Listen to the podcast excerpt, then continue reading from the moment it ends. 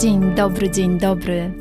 Witam Cię w moim podcaście Więcej niż fotografia, czyli idealnym miejscu dla osób, które kochają fotografię, ale niekoniecznie wiedzą, jak się za nią zabrać. Jeśli szukasz inspiracji, konkretnych wskazówek, motywacji i wiedzy przekazanej w bardzo prosty sposób, to ten podcast jest właśnie dla Ciebie. A ja jestem Basiolandia, czyli Basia. Jestem tutaj po to, aby dzielić się z Tobą moją wiedzą i doświadczeniem. A w głębi serca mam nadzieję, że jeszcze bardziej rozkocham Cię w fotografii.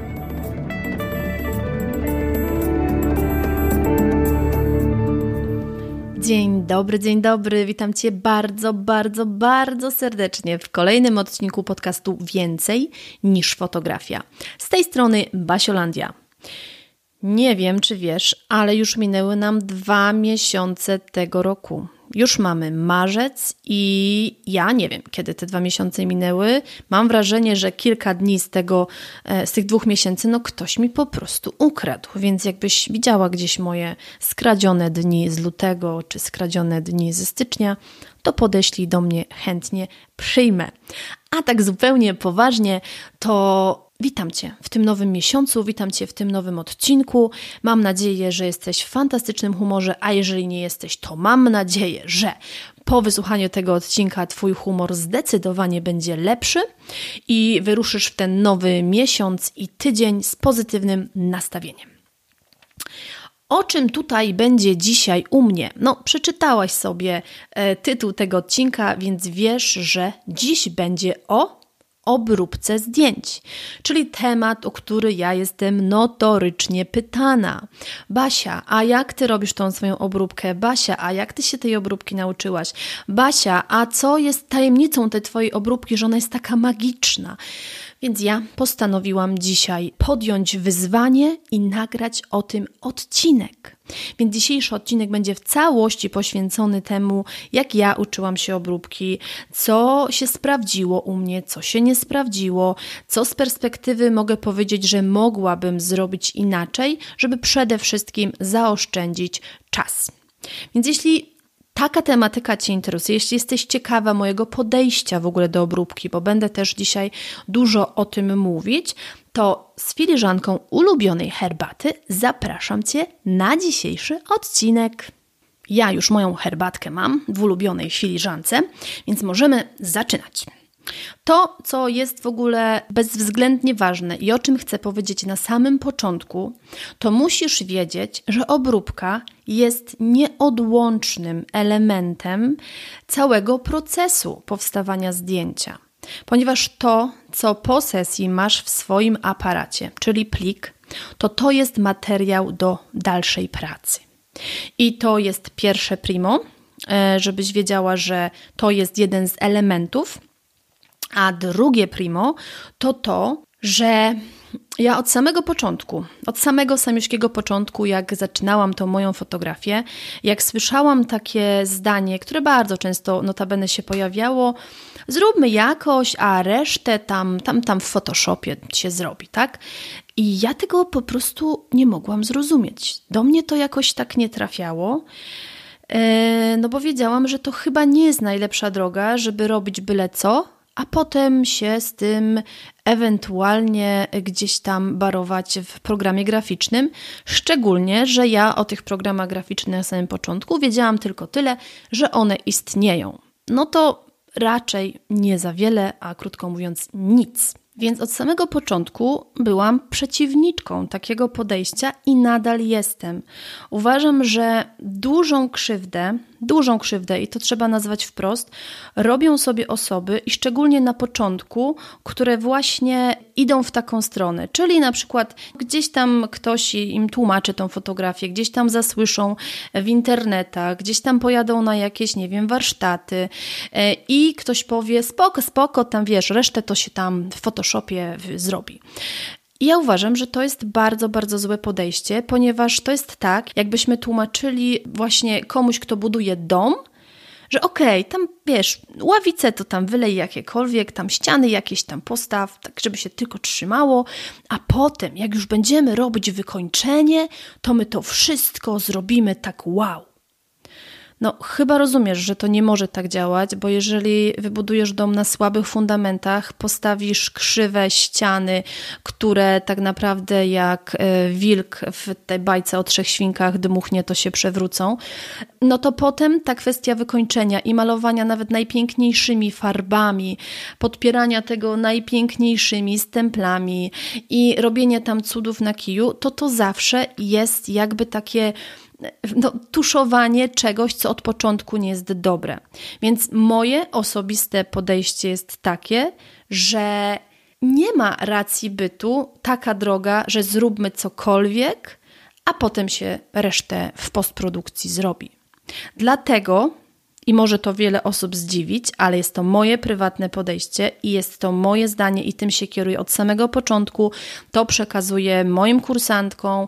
Na takiej podstawie stoi moja Akademia Magicznej Fotografii że moja taka pierwsza, pierwsza rada, jak zacząć przygodę, i oczywiście słowo przygoda jest w cudzysłowiu, przygodę z obróbką, to numer jeden, jeden, jeden i w ogóle najważniejszy to jest naucz się robić maksymalnie dobre zdjęcie wyjściowe, a dopiero potem myśl o obróbce.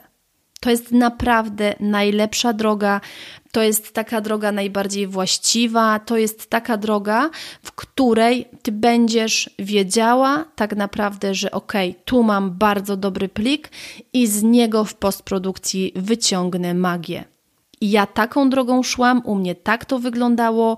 Ja od samego początku, ja od samego początku najpierw nie, nie rzucałam się, nie, nie było tak, że kupiłam aparat, zrobiłam dwa zdjęcia, a potem się rzuciłam na Photoshopy, Lightroomy i wszystkie inne programy i zaczęłam się uczyć obróbki. Nie, ja najpierw robiłam wszystko, żeby nauczyć się robić dobre zdjęcie, żeby z mojego aparatu wychodził maksymalnie dobry plik wyjściowy RAW, a potem zaczęłam się zapoznawać z programami graficznymi. Przez pierwszy rok tak naprawdę mojej e, fotografii to te programy graficzne to było takie przyglądanie się. Ok, są takie, ok, tak, to trochę działa, ale to było przyglądanie się. Dopiero w drugim roku, e, w drugim roku zabrałam się za Lightrooma. E, zabrałam się za Lightrooma, kiedy już wiedziałam, że powinno się robić pliki RAW i że one mają większe możliwości i że tam można po prostu dużo, dużo więcej z tego pliku wyciągnąć. To dopiero w drugim roku e, zaczęłam się uczyć Lightrooma. I ten Lightroom spokojnie wystarczał mi przez kolejne dwa lata, a nawet można powiedzieć, że trzy lata, bo dopiero później, po kolejnych dwóch, no dajmy na to dwóch latach, w porywach do trzech, dopiero wtedy zaczęłam się wdrażać w Photoshopa.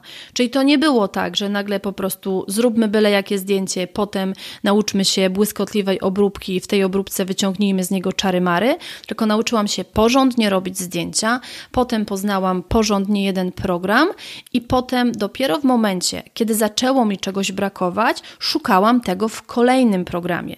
I tutaj przechodzimy sobie płynnie do punktu drugiego, w którym ładnie to zebrałam, czyli nie rzucaj się od razu na głęboką wodę i nie ucz się pięciu programów naraz, tylko wybierz sobie jeden prosty na początek naucz się tego jednego, ucz się tego jednego, a nie ucz się kilku naraz, bo po pierwsze, no pomiesza ci się to. Po drugie, ilość tej wiedzy, którą będziesz musiała przyswoić naraz i wprowadzić, przepraktykować, przygniecie cię, najprościej mówiąc.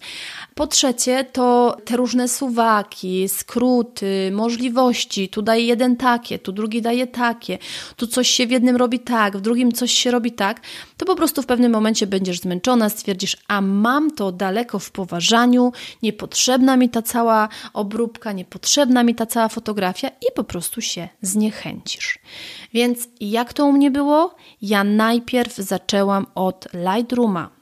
Najpierw był tylko i wyłącznie Lightroom, działałam sobie na nim dwa lata y, spokojnie, uczyłam się tego Lightrooma. Y, jeżeli już wszystko, czego potrzebowałam w tym Lightroomie, opanowałam, do tego, co chciałam zrobić z moimi zdjęciami.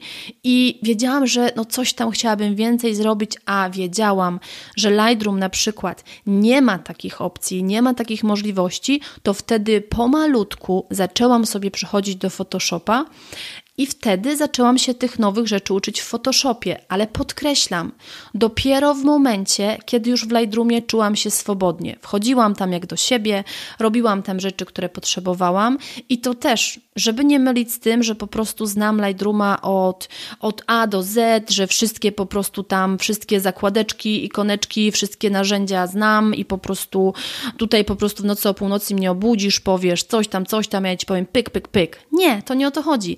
Ja jestem zwolennikiem tego, żeby uczyć się danego programu funkcjonalnie dla mnie. Co to oznacza? Uczę się tego, co jest dla mnie potrzebne i co wykorzystuję. Jeżeli coś jest dla mnie mm, w tym momencie niepotrzebne, jeżeli z czegoś nie korzystam, to ja sobie po prostu tym nie zawracam głowy, bo po co?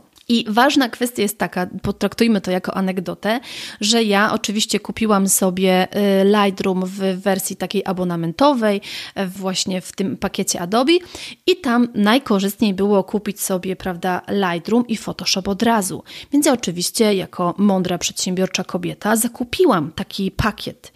I tutaj właśnie już myślę, że dobrze kojarzysz fakty i być może zadajesz sobie pytanie, czyli co Basia, ten Photoshop to ty przez dwa lata miałaś i go w ogóle ogóle nie ruszałaś? No tak. I tu odpowiedź brzmi tak. Miałam Photoshopa i on był taką ikonką na moim pulpicie w komputerze, której nie dotykałam. Ona tam była, ona tam sobie się do mnie uśmiechała, a ja bałam się tam po prostu kliknąć, bo bałam się, że jak tam wejdę, to nie będę umiała stamtąd wyjść. Więc tak, dwa lata mogę oficjalnie tutaj powiedzieć, nie ruszałam Photoshopa, bo co ja wtedy robiłam? Uczyłam się Lightrooma i uważam, że to wyszło mi na dobre. I teraz idziemy sobie dalej.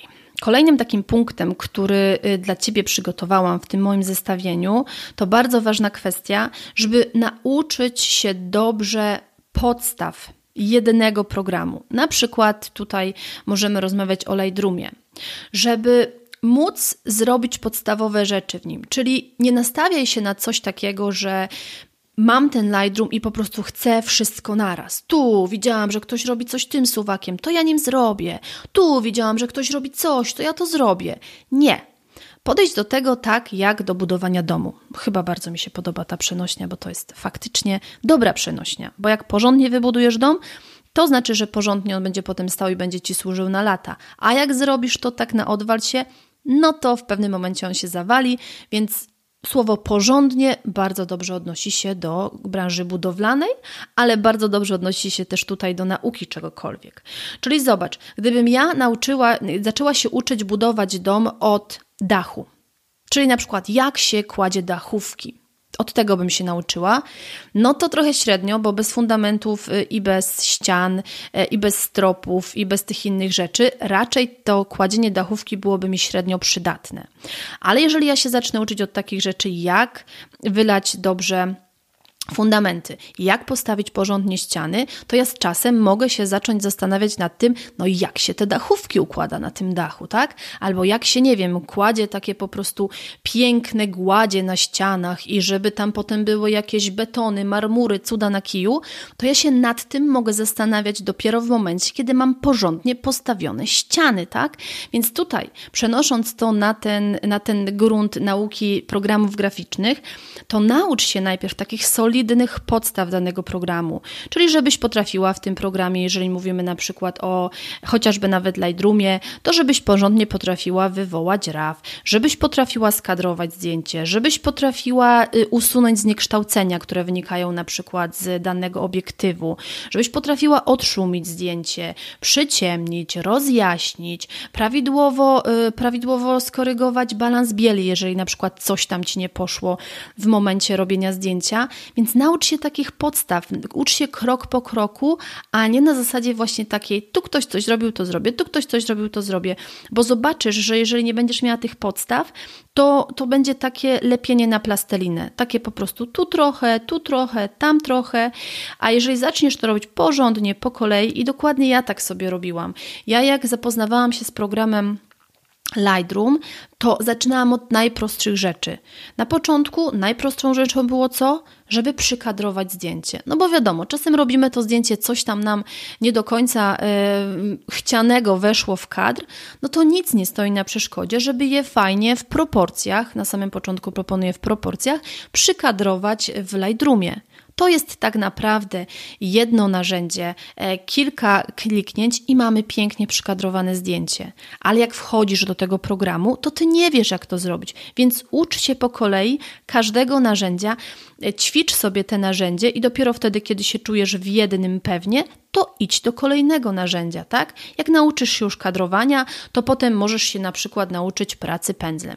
Jak nauczysz się pracy pędzlem, to potem możesz sobie pójść na przykład w gradienty, tak?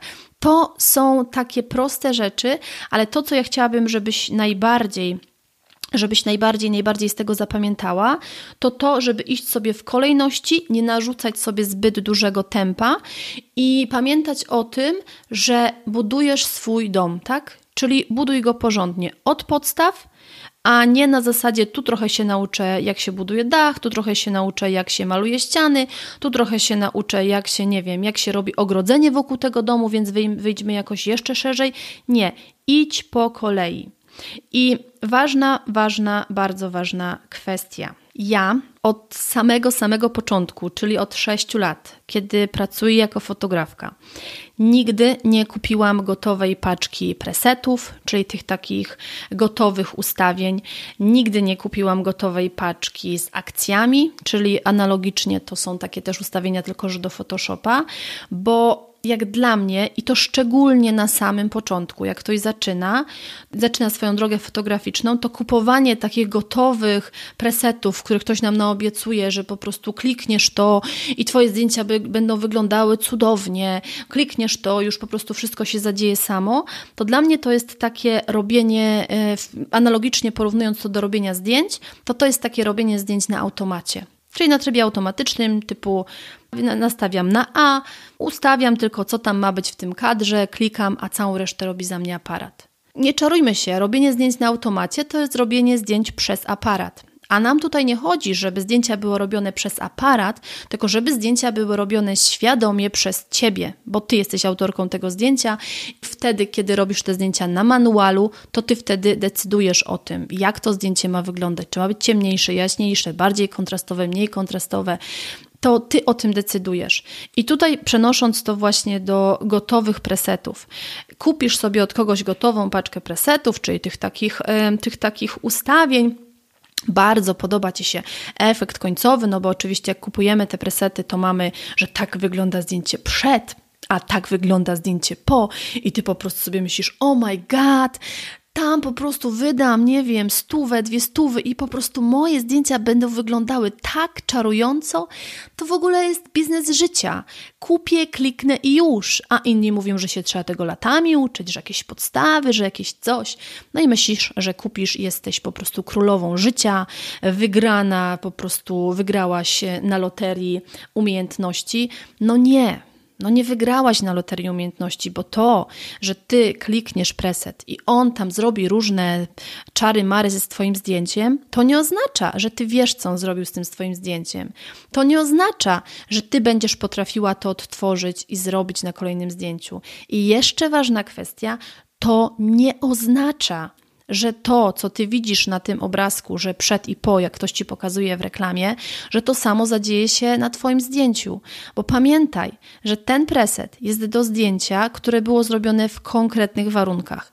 Do takiego zdjęcia, na którym ktoś ci pokazuje, ale ty nie masz takiego samego zdjęcia. Nie ma dwóch takich samych zdjęć na świecie, które będą identyczne i jak kupisz te presety, to one zadziałają po prostu idealnie na twoje zdjęcie. No nie. No nie daj sobie tego wmówić. Ja nie dałam się na to nabrać przez 6 lat i mam nadzieję, że nadal się nie dam nabrać, no bo wiem, jak to wygląda. A kolejna kwestia, jeszcze bardzo ważna, co jest efektem kupowania gotowych paczek presetów? To, że później większość zdjęć w internecie wygląda tak samo a ty nie chcesz chyba, znaczy nie wiem, czy chcesz, czy nie chcesz, no ja mogę się wypowiedzieć na moim przykładzie, że ja nie chcę, żeby moje zdjęcia były takie same jak Kasi, Asi, Małgosi i jak ktoś wejdzie e, chociażby nawet na Instagram, zobaczy zdjęcia, dwa, to nie będzie wiedział, czy to jest moje, czy to jest Asi, czy Kasi, czy Małgosi, bo one będą identyczne, przejechane, krótko mówiąc, tym samym presetem. No to ja raczej y, aspiruję do czegoś innego, ja raczej wolę, żeby moje zdjęcia były rozpoznawane jako moje, a nie przejechane presetem takim jak 50 innych osób je przejechało. No bo to raczej nie jest najlepszy sposób na budowanie swojej marki osobistej, a ja jakby namawiam Cię do tego, żeby budować swoją markę osobistą swoją, e, ze swoim stylem fotografii, ze swoją obróbką fotografii i nic nie stoi na przeszkodzie, i tu ważna kwestia, że jeżeli nauczysz się tej obróbki, jeżeli chociażby nawet opanujesz Lightrooma, to robisz sobie wtedy swój, ale podkreślam swój preset, który będzie ci potem ułatwiał pracę z Twoimi zdjęciami, ale on będzie Twój. On będzie zrobiony przez Ciebie, on będzie zrobiony do, konkretny, do konkretnego zdjęcia, do konkretnej serii zdjęć. Tam będą takie elementy, które będą na przykład dla Ciebie ważne, żeby jakiś kolor był bardziej podbity, jakiś bardziej stonowany, ale to będzie Twoje. Więc przed tym, e, jeżeli będziesz chciała, nie wiem, zainwestować jakąś paczkę presetów, bo wyskoczy ci jakaś super e, ekstra promocja, to zastanów się, czy to faktycznie będzie dobra inwestycja, czy nie lepiej tą, e, te pieniądze zostawić i zainwestować na przykład w dobry kurs Lightrooma, w którym po prostu krok po kroku pokażę Ci, jak możesz sobie sama taki preset zrobić i używać. A teraz przejdźmy sobie do takiej części, na którą na pewno bardzo czekasz, czyli jak uczyć się obróbki zdjęć. Tutaj mogę Ci powiedzieć, że jest wiele sposobów. Myślę, że z kim będziesz rozmawiała, ten może Ci powiedzieć o innym sposobie. Ja wymienię Ci tutaj kilka, a Ty po prostu wybierzesz sobie najlepszy dla siebie. Ja powiem też Tobie, który się u mnie sprawdził bardziej, który mniej, więc nie przedłużając, lecimy. Pierwszą, taką bardzo, bardzo prostą metodą, no, na której większość osób bazuje na samym początku, czyli odpalam program i zaczynam przesuwać tymi różnymi suwaczkami i obserwuję, co się dzieje. Czyli taka metoda, najprościej mówiąc, prób i błędów. Fajnie i teraz zaletą tej metody jest co? No, że jest bezkosztowa, tak? E, masz ten program, masz swój czas, siadasz, przesuwasz, widzisz, przesuniesz ekspozycją w prawo, będzie jaśniej, przesuniesz w lewo, będzie ciemniej. Fajnie, widzisz efekt, widzisz efekt. No ale jaka jest wada tej metody? Bo jakby postanowiłam tak wada metoda, żeby e, ładnie to podsumować. Mm, wadą tej metody jest to, że jest niesamowicie czasochłonna. Jeżeli masz nieograniczone możliwości czasowe, to oczywiście możesz sobie siedzieć i tak dłubać. Kolejną wadą jest to, że możesz się szybko zniechęcić. I mówię to na własnym przykładzie, ponieważ jak sobie tam, no już dobrze, po, pośmigałam sobie tymi suwakami w prawo, w lewo, zobaczyłam, że tutaj się kadruje, doszłam do tego jakimś tam sposobem, irytując się po drodze milion, milion razy. Mm, robię, robię, robię, niby fajnie, fajnie, fajnie, ale w pewnym momencie no chcę coś tam dalej pójść, na przykład nie wiem, mam zdjęcie, przesunęłam tym suwakiem, zadziało się na całości, no ale ja nie chciałabym, żeby się zadziało na całości, na przykład żeby było ciemniej, tylko chciałabym, żeby na przykład buzia była jaśniejsza, tak? No to myślę, kombinuję jak to zrobić i wtedy po prostu ten czas plus to, że coś tam działa, coś tam nie działa, sprawia, że się irytujemy i się zniechęcamy. I ja mogę powiedzieć wprost, że oczywiście testowałam taką metodę na, na sobie. Oczywiście ja też tak zaczynałam. Oczywiście siadałam do tego programu, ale były momenty, w których no, ja na początku też nie miałam za wiele czasu na to, bo jak znasz moją historię, jak zaczynałam moją y, historię fotograficzną, to ja tam miałam bardzo ograniczony czas z wielu powodów. Jak chcesz posłuchać, dlaczego, to y, zapraszam Cię do pierwszego odcinka podcastu. I ja tego czasu nie miałam, więc jeżeli y, zbierzemy to, że nie miałam tego czasu, bardzo zależało mi na tym, żeby z tym w miarę szybko ruszyć, mm, to ta irytacja i to wszystko było ogromne i ja się po prostu zniechęcałam. To zajmowało wiele, wiele czasu, a efektów tak naprawdę za wielkich nie było. I tutaj mogę powiedzieć, e, teraz patrząc z perspektywy czasu na to wszystko, to ja tam bardzo, bardzo dużo czasu zmarnowałam. E, który notabene mogłam e, po prostu dużo lepiej wykorzystać. A jak wykorzystać, no to oczywiście powiem Ci w kolejnych punktach, które będę omawiać. Kolejnym takim krokiem, czyli dobra, już sobie na przykład potestowałam sama, widzę, że idzie, nie idzie, zirytowałam się, no to co? Idę do internetów. I co w tych internetach? No oczywiście pierwszym takim, pierwszą taką bardzo intuicyjną myślą jest YouTube, ponieważ na YouTubie jest wszystko. No i oczywiście ja też tam poszłam, ja też tam byłam. Sześć lat temu było o tyle lepiej, że na tym YouTubie, i celowo mówię lepiej, tutaj się nie pomyliłam, że na tym YouTubie nie było aż tak dużo treści. I dlaczego ja uważam to za atut? E, dlatego że łatwiej było e, tak naprawdę tą wiedzę wyselekcjonować. Bo jak na przykład miałam do wyboru, nie wiem, 10 filmów, e, na których ktoś pokazywał, jak zaimportować zdjęcie, to ja miałam wybór jeden z 10.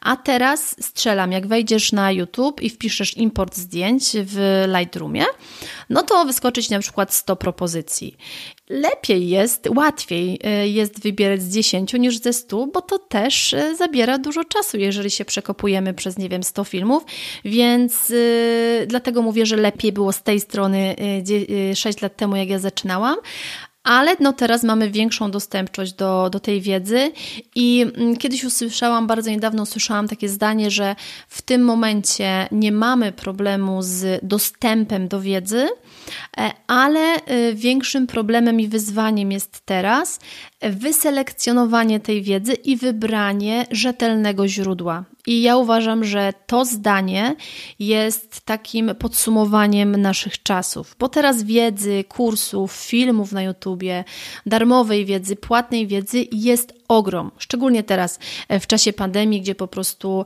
e, do ludzi dotarło to, że trzeba pójść w online, no i wszyscy szumnie w te online poszli, tak?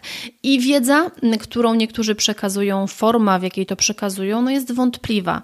Więc teraz nie jest wyzwaniem znalezienie wiedzy, tylko wyselekcjonowanie dobrego źródła, z którego po prostu będziemy się mogli tej wiedzy faktycznie nauczyć i faktycznie ktoś będzie potrafił to zrobić. Ale wracając do YouTube'a, to co jest zaletą? No zaletą oczywiście jest to, że znowu nie inwestujemy w to nic, bo YouTube jest darmowy, przynajmniej na chwilę obecną jest jeszcze darmowy, kiedy o tym mówię. Mamy tą wiedzę dostępną na wyciągnięcie ręki, na jedno kliknięcie, e, no bo wpisujesz przeglądarkę, masz. Kolejne, różnorodność. No bo oczywiście możesz się uczyć od Staszka, ale możesz się uczyć też od Bożenki, bo Bożenka ma film i Staszek ma film, ale na przykład rodzaj, e, nie wiem, rodzaj prowadzenia tego kanału i sposób mówienia na przykład Stanisława odpowiada Ci mniej niż sposób przekazywania wiedzy Bożenki. No to wtedy prosta sprawa nie uczysz się od Stanisława, tylko uczysz się od Bożenki. Więc jakby tutaj dostępczość jest e, niesamowita, różnorodność też, no to odnośnie tego właśnie jak ktoś przekazuje wiedzę, kto do Ciebie bardziej trafia. A jeżeli chodzi na przykład właśnie o takie rzeczy związane z wizualną stroną, no to oczywiście tutaj znaczenie też ma to, że szukasz kogoś, kogo obróbka jest spójna z tym, co chciałabyś robić. Bo wiadomo, że nie szukasz kogoś, kto robi bardzo taką mroczną obróbkę, taką, taką ostrą, taką po prostu prostu bardzo agresywną. Jeżeli ty chcesz bardziej robić takie subtelne, delikatne zdjęcia, to wiadomo, że nie pójdziesz do takiej osoby. A co jest wadą? Bo już zalety mamy, to przejdźmy do wad. Co jest wadą? E, jest masa materiałów, jest masa twórców, i żeby wyłuskać tak naprawdę te dobre materiały tych dobrych twórców, to to też jest czasochłonne. Nie czarujmy się. Jak wchodzisz na YouTube, to tam przepadasz i myślisz, że wchodzisz tam na chwilę, Patrzysz za chwilę na zegarek, o kurczę, trzy godziny minęły, a ty może coś tam się dowiedziałaś, ale potem kliknęłaś tam, kliknęłaś tam, tu w sumie ktoś coś powiedział, ale nie do końca rozumiesz, no to szukasz dalej, więc jest to też czasochłonne. Kolejne, mm, kolejna taka, no wada, można to nazwać oczywiście wadą, że obejrzysz, będziesz sobie u siebie oczywiście wprowadzała, ale nie masz wsparcia tej osoby. Jeżeli na przykład ona coś ci tam wytłumaczyła, no to wtedy ty teoretycznie możesz napisać w komentarzu, ale słuchaj, ty tutaj powiedziałeś tak w tym filmie, ja to zrobiłam, albo u mnie to nie działa, albo u mnie tego przycisku nie ma, albo u mnie jest jakoś inaczej. Być może ta osoba ci odpowie, często jest tak, ale przy większych twórcach niekoniecznie też te odpowiedzi zawsze otrzymasz, tak? Więc nie masz takiego wsparcia bezpośredniego. No i nie masz możliwości, żeby ktoś ewentualnie skorygował tą Twoją pracę. Czyli zobaczyłaś, e, wprowadziłaś u siebie, przepraktykowałaś, zrobiłaś na zdjęciu, ale nie ma możliwości, żeby ktoś zobaczył na to, żeby Ci powiedział, czy faktycznie za dużo, za mało, czy ewentualnie coś tam może jeszcze poprawić, więc nie masz możliwości skorygowania tej Twojej pracy. Kolejną formą taką, w której możemy się y, uczyć obróbki, to są oczywiście warsztaty obróbki na żywo, czyli takie bezpośrednie Twoje spotkanie z osobą, która tej obróbki naucza, czy to w formie grupowej, czy to w formie indywidualnej. No wiadomo, że forma indywidualna jest zawsze lepsza, bo masz 100% y, uwagi prowadzącego mm, dla siebie, ale jakby odnieśmy się do takiej grupowej, e, odnieśmy się do takiej grupowej, że po prostu jest grupa kilku, kilkunastu osób, no i tam prowadzący tłumaczy, uczniowie robią. I jakie są, jakie są zalety? No zalety są takie, że masz większe prawdopodobieństwo, że ta wiedza będzie ułożona, że będzie taka skonkretyzowana, że ten prowadzący będzie cię prowadził krok po kroku, a nie on będzie cię prowadził od fundamentów po dach, a nie od dachu przez ściany poprzez ogrodzenie. Mm, więc tutaj będzie zdecydowanie lepiej e, i nie tracisz czasu.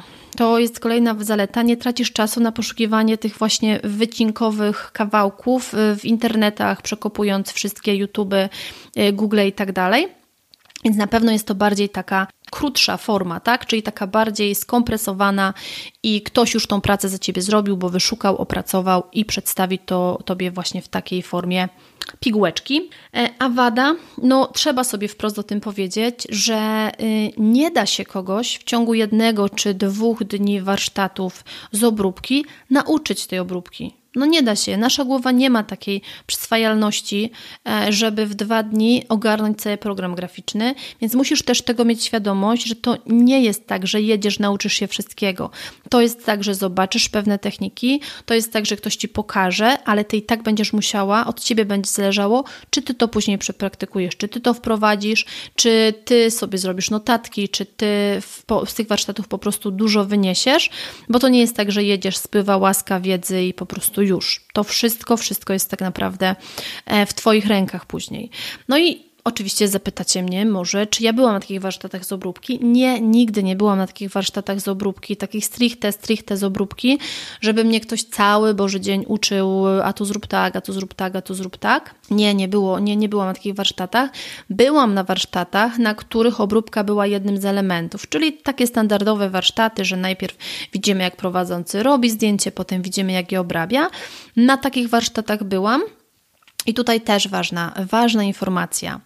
E, kiedy byłam na samym samym początku, gdzie kompletnie po prostu ten Photoshop był tylko i wyłącznie moją ikonką na pulpicie, której nie dotykałam, mm, i byłam na przykład na warsztatach, na których prowadzący robił obróbkę od A do Z właśnie w Photoshopie, to ja mogę wprost powiedzieć, że ja z tego nie, wy, nie, nie wyciągnęłam za wiele z racji tego, że ja w ogóle miałam taki wow, że to w ogóle jest Photoshop, że to w ogóle po prostu coś tam się robi, a ja kompletnie tego nie znałam. Więc rada, którą mogę dać osobom, które wybierają się na warsztaty, czy to do mnie, czy to do kogoś innego, bo tu oczywiście czy tyczy się to też moich warsztatów, mm, to dowiedzcie się, w jakim programie obrabia prowadzący i postarajcie się chociażby nawet podstawy tego programu wcześniej poznać. Po co? Po to, żeby z tych warsztatów wynieść jak najwięcej, żeby najprościej mówiąc nadążać za tym, co prowadzący robi. Bo ja na samym początku mogę powiedzieć, że na początku mnie to tak mocno zachwyciło, ale jak się w pewnym momencie zgubiłam i jeszcze jeżeli to są warsztaty grupowe, jeszcze w dużych grupach to już jest w ogóle dramat, bo prowadzący nie będzie miał czasu, żeby do każdego podejść i mu wytłumaczyć. Ja na szczęście moje warsztaty prowadzę w bardzo kameralnych grupach sześcioosobowych i ja mam czas dla każdej mojej kursantki. Jeżeli nawet jest osoba, która jest gdzieś tam na początku, to ja mam czas, żeby do niej podejść i jej pokazać, jak to zrobić. Ale jeżeli trafisz na warsztaty, gdzie będzie na przykład 20-osobowa grupa, a ja takie warsztaty szczerze z serca Ci odradzam, bo ja uważam, że przy 20 osobach prowadzenie warsztatów to jest w ogóle jakieś nieporozumienie. I mówię to z perspektywy uczestniczki warsztatów, i mówię to z perspektywy prowadzącej warsztaty to nie daj się, nie wiem, jak jakoś okłamać, bo to w prosty, w prosty sposób trzeba będzie okłamać, że przy 20-osobowej grupie prowadzący będzie w stanie podejść do ciebie i ci tłumaczyć, tutaj słuchaj, naciśnij i będziesz miała pędzel. Nie, to, to nie, jest, nie jest realne przy takich ilościach. Więc warsztaty jak najbardziej, ale w momencie, kiedy już przynajmniej znasz te żelazne podstawy, bo wtedy skorzystasz z tego najbardziej. Kolejna forma nauki, obróbki, to mogą być tutoriale, czyli takie nagrania, obróbki zdjęcia od A do Z. I tutaj też ważna sprawa, do tutoriali najlepiej jest podejść w momencie, kiedy już te podstawy znasz, żebyś nie musiała się domyślać, a dlaczego tutaj ktoś naciska ten guzik, a dlaczego tutaj to, tylko żebyś była w stanie po prostu jak najwięcej z tego tutorialu sobie wyciągnąć, czyli właśnie ok, tutaj ktoś, nie wiem, używa sobie gradient, taki i taki ma cel, żebyś żebyś była w stanie e, jakby to, czego nauczysz się z jednego tutorialu, przenieść potem na inne zdjęcia. To jest bardzo, bardzo fajna forma nauki e, i to też daje Ci taką możliwość, że widzisz krok, krok osoby, która właśnie ten tutorial nagrała i widzisz, jaki to dało efekt. Więc możesz sobie te narzędzia, które właśnie nauczyłaś się już sama, nauczyłaś się ich obsługiwać, czyli wiesz, że e, tu się kadruje, tu się, e, tutaj się daje gradient, tutaj się działa pędzlem i tutaj się te wszystkie sprawy ogarnia, to wtedy będziesz sobie w stanie właśnie oglądać, analizować dane działania i wtedy będziesz mogła zastosować to na swoich ujęciach, a to o to chodzi, żeby właśnie wprowadzać to wszystko, czego się nauczysz na swoich, e, na swoich zdjęciach, tak? No i oczywiście takie tutoriale możesz znaleźć oczywiście też na YouTubie, możesz sobie je e, kupić, ponieważ mnóstwo jest teraz tego w sieci, tylko pamiętaj, żeby mm, też nie robić czegoś takiego, że nagle kupisz 10 tutoriali, kup sobie jeden, zobacz, czy to jest dla Ciebie dobre, zobacz, czy taka forma jest dla Ciebie odpowiednia, no a przede wszystkim kupuj te tutoriale od osób, których sposób obróbki Tobie odpowiada, żebyś nie uczyła się obróbki albo ten coś tam, ten coś tam, tylko po prostu, jeżeli chcesz zobaczyć na przykład, jak obrabia Zosia, to kup sobie tutorial od Zosi, jeżeli na przykład ona go proponuje. Jeżeli Marysia, to kup sobie tutorial od Marysi, zobacz, sprawdź, czy to jest dla Ciebie i dopiero wtedy ewentualnie inwestuj w kolejny. No i oczywiście, żeby tutaj cały jakby raport o tutorialu był pełny, no to jakie są zalety? Że widzisz całą tą drogę od początku do końca danego zdjęcia e, i że masz dostępność do tej wiedzy, czyli że możesz sobie do tego wracać, no bo rozumiem, że to jest nagranie, więc możesz sobie kilkukrotnie do niego wracać i powtarzać, analizować. Jakie są wady? Mm, jeżeli na przykład jesteś na początku, to wadą może być to, że nie masz tłumaczonych narzędzi i robisz to tak trochę właśnie na plastelinę, czyli tak jak mówiłam, jak znasz narzędzia, wiesz co i jak, to wtedy sobie swobodnie działasz. Ale jeżeli nie wiesz, to możesz się troszeczkę w tym pogubić i też może cię to trochę irytować. Więc to na tyle ode mnie odnośnie e, tutoriali. No i teraz przechodzimy do takiego według mnie najskuteczniejszego sposobu nauki obróbki, czyli do kursu online z obróbki. Ja, kiedy zaczynałam, e, czyli to 6 lat temu, tych kursów nie było za wiele. Ja przynajmniej nie trafiłam na żaden dobry kurs i ubolewam bardzo nad tym, bo podejrzewam, że ta moja, ten mój rozwój właśnie obróbki byłby zdecydowanie szybszy, sprawniejszy, gdybym trafiła na dobry kurs. Dlaczego to jest fajna forma? To jest fajna forma, ponieważ masz wiedzę zebraną w jednym miejscu, poukładaną w odpowiedniej kolejności, czyli idziesz krok po kroku. Nie tracisz czasu na te wszystkie YouTube, na szukanie wiedzy tam, siam. Masz konkret, masz w jednym miejscu. Kurs online, o którym ja Tobie dzisiaj powiem, bo będę opowiadała na podstawie mojego kursu, bo tak, tak, i tu powinny być fanfary. Mam swój kurs online, na który wiem, że wiele osób czekało, i to jest kurs obróbka w Lightroom z odrobiną magii. To jest moje e, najnowsze, najukochańsze dziecko w Akademii Magicznej Fotografii. I dziś, kiedy słuchasz e, tego odcinka, to wiedz, że jest to takie trochę premierowe, ponieważ dokładnie 26 lutego ten kurs miał swoją premierę. I ja jestem z niego ogromnie dumna, więc będę Ci mogła poopowiadać na temat kursu online z obróbki właśnie na przykładzie mojego własnego.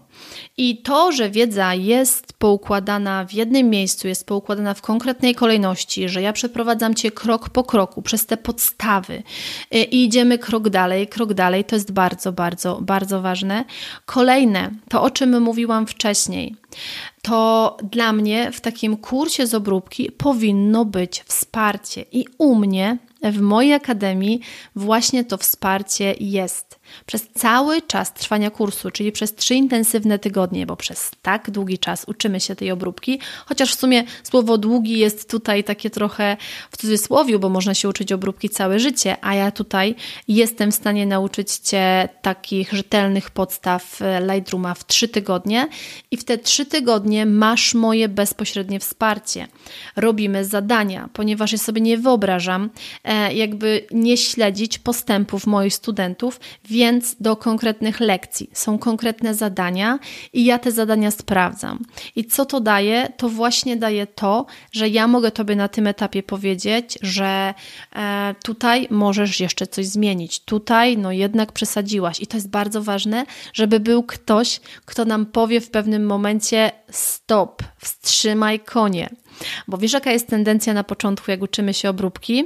I każdy to przechodzi, każdy. To w ogóle ja też nie byłam wyjątkiem w tej, w tej kwestii. Jak zaczynamy uczyć się obróbki, to po prostu ponosi nas czasami taka ułańska fantazja. Jak już umiem dodać tego takiego nasyconego koloru, to a dodam, niech to po prostu aż wychodzi z tego obrazka. No i możemy tak się e, bardzo delikatnie mówiąc e, otrzeć o takie, mm, o taki kicz, o takie przerysowania, o taką no niefajną jednak e, formę tych zdjęć. A tutaj chodzi o to, przynajmniej taka jest moja teoria obróbki zdjęć, żeby na zdjęciach poprzez obróbkę wyciągnąć to, co na nich było, czyli wyciągnąć potencjał tego zdjęcia, które już e, na etapie tworzenia go jest dobre, ale w momencie, kiedy siadamy do tej obróbki, to my to my wyciągamy z niego cały ten potencjał. Wyciągamy to wszystko, co można z niego wycisnąć, i to jest wtedy taka wisienka na torcie naszej takiej y, twórczej wizji, którą mamy y, właśnie związanej z tym zdjęciem. I ja nie ukrywam, że ten moment bardzo lubię, zwłaszcza, że u mnie ta obróbka jest minimalistyczna, jest prosta, jest taka bardzo, y, bardzo intuicyjna, ale to też wynika z tego, że ja duże, duże, duży, duży nacisk kładę na to, żeby zdjęcie wyjściowe było bardzo dobre i wiedzą to moje kursantki, e, wiedzą to moje uczestniczki warsztatów, które zawsze jak spotykamy się na warsztatach na żywo, to są w szoku, że tej obróbki nie ma za wiele.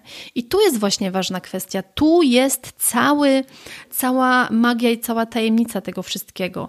Żeby nie siedzieć godzinami przy komputerze, tylko żeby nauczyć się robić bardzo dobre zdjęcie wyjściowe, a potem dogłaskać je w postprodukcji. Więc ja w tym moim kursie, który y, stworzyłam, który ukochałam, który przytulam, e, bo stworzyłam go dla Ciebie, stworzyłam go dla osób, które chcą się porządnie nauczyć y, na początek obróbki właśnie w Lightroomie, bo to jest wystarczające w 100% na sam początek. Potem, jeżeli czegoś Ci będzie brakowało, kolejnym krokiem będzie to, że pójdziesz do Photoshopa, ale po kolei, po kolei, naprawdę, pamiętaj, najpierw fundamenty, ściany, a potem idziemy do dachu. Wszystkie, wszystkie informacje na temat tego kursu znajdziesz w notatkach do tego odcinka. Spokojnie możesz sobie tam zajrzeć, tam sobie możesz wszystko przeczytać, co zawiera kurs, jak pracujemy. I dla mnie dużą wartością tego kursu jest to, że pracujemy tam razem. Czyli nie jest tak, że go kupujesz ja cię zostawiam, radź sobie sama, tylko po prostu ja jestem tam z tobą i razem sobie pracujemy, co jest y, niezmiernie, niezmiernie wartościowe. Ja, gdybym trafiła na taki kurs 6 y, lat temu, to uważam, że moją drogę tą taką obróbkową przeszłabym dużo, dużo szybciej e, i to byłoby po prostu coś fenomenalnego. Ważna kwestia jest taka, że i to teraz też Tobie powiem, żebyś wiedziała od razu, że drzwi do Akademii, czyli nabór do Akademii w tym roku będzie tylko dwa razy. E, pierwsze otwarcie jest teraz, właśnie w marcu, a drugi nabór będzie dopiero w październiku, więc zastanów się, czy chcesz czekać ze swoimi marzeniami, czy chcesz czekać ze swoim spełnieniem marzeń do późnej jesieni, czy chcesz teraz ze mną wyruszyć w taką fascynującą drogę podboju fotograficznego świata z drobiną magii.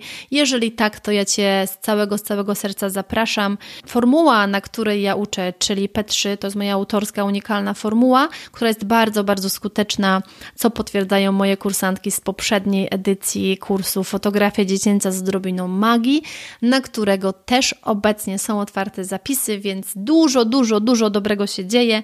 Jeżeli tylko masz ochotę, to zapraszam Cię do Akademii Magicznej Fotografii. Tam wchodzisz sobie w zakładeczkę kurs online i wszystko, wszystko, wszystko możesz sobie tam przeczytać, możesz się ze wszystkim zapoznać. A teraz, na zakończenie tego dzisiejszego odcinka, chcę Ci powiedzieć jedną bardzo, bardzo ważną rzecz. Nieważne, jaki sposób nauki wybierzesz dla siebie. Nieważne, czy będziesz się uczyła sama, czy z YouTube'a, z filmików, czy pójdziesz na warsztaty, czy przyjdziesz na kurs mój, czy kogokolwiek innego, to pamiętaj, że i tak najważniejsza jest praktyka. Bo to, że ktoś tobie powie, jak coś zrobić, jak on coś robi, jak można coś usprawnić, ułatwić, przyspieszyć, to do momentu, kiedy ty tego nie przećwiczysz u siebie, nie usiądziesz do tego komputera, nie spędzisz kilkunastu, kilkudziesięciu, kilkuset godzin przy danym programie i nie przećwiczysz tego sama, nie przepraktykujesz, to to się po prostu nie zadzieje.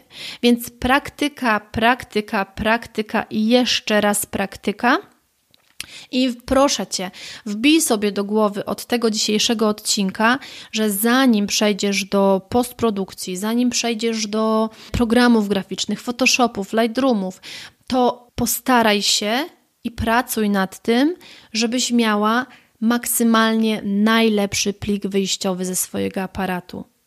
I dopiero na tym pliku zobaczysz, jak fantastycznie się pracuje, bo ty wtedy nie będziesz łatać dziur które wynikają z tego, że zrobiłaś słabe zdjęcie, tylko będziesz wyciągać maksymalny potencjał ze dobrego zdjęcia, które zrobiłaś na etapie tworzenia go w Twoim aparacie. Także taka, taką drogę ja preferuję, taką drogą idę i do takiej drogi Cię namawiam, żeby to wszystko, jak to się mówi, miało ręce i nogi i żeby dobrze funkcjonowało. To właśnie tak to wyglądało u mnie i dzisiaj podzieliłam się tą moją historią z Tobą. Mam nadzieję, że wyciągniesz z niej najlepsze. Oczywiście czekam na Twoje wiadomości na Instagramie, na Facebooku, czekam na Twoje komentarze pod tym podcastem, bo pamiętaj, że możesz ten podcast komentować i mnie bardzo, bardzo cieszą e, Wasze komentarze, bo wiem, że to, co robię, jest dla Was wartościowe, a jeżeli podzielisz się na swoich mediach społecznościowych informacją, że słuchasz tego podcastu, to to też będzie dla mnie super nagroda za to wszystko, co tutaj dla Ciebie tworzę. A dzisiaj ściskam Cię bardzo, bardzo serdecznie. Jeżeli to jest Twój moment, to mam nadzieję do zobaczenia na kursie, a jeżeli to jeszcze nie jest Twój moment, to do usłyszenia już za tydzień.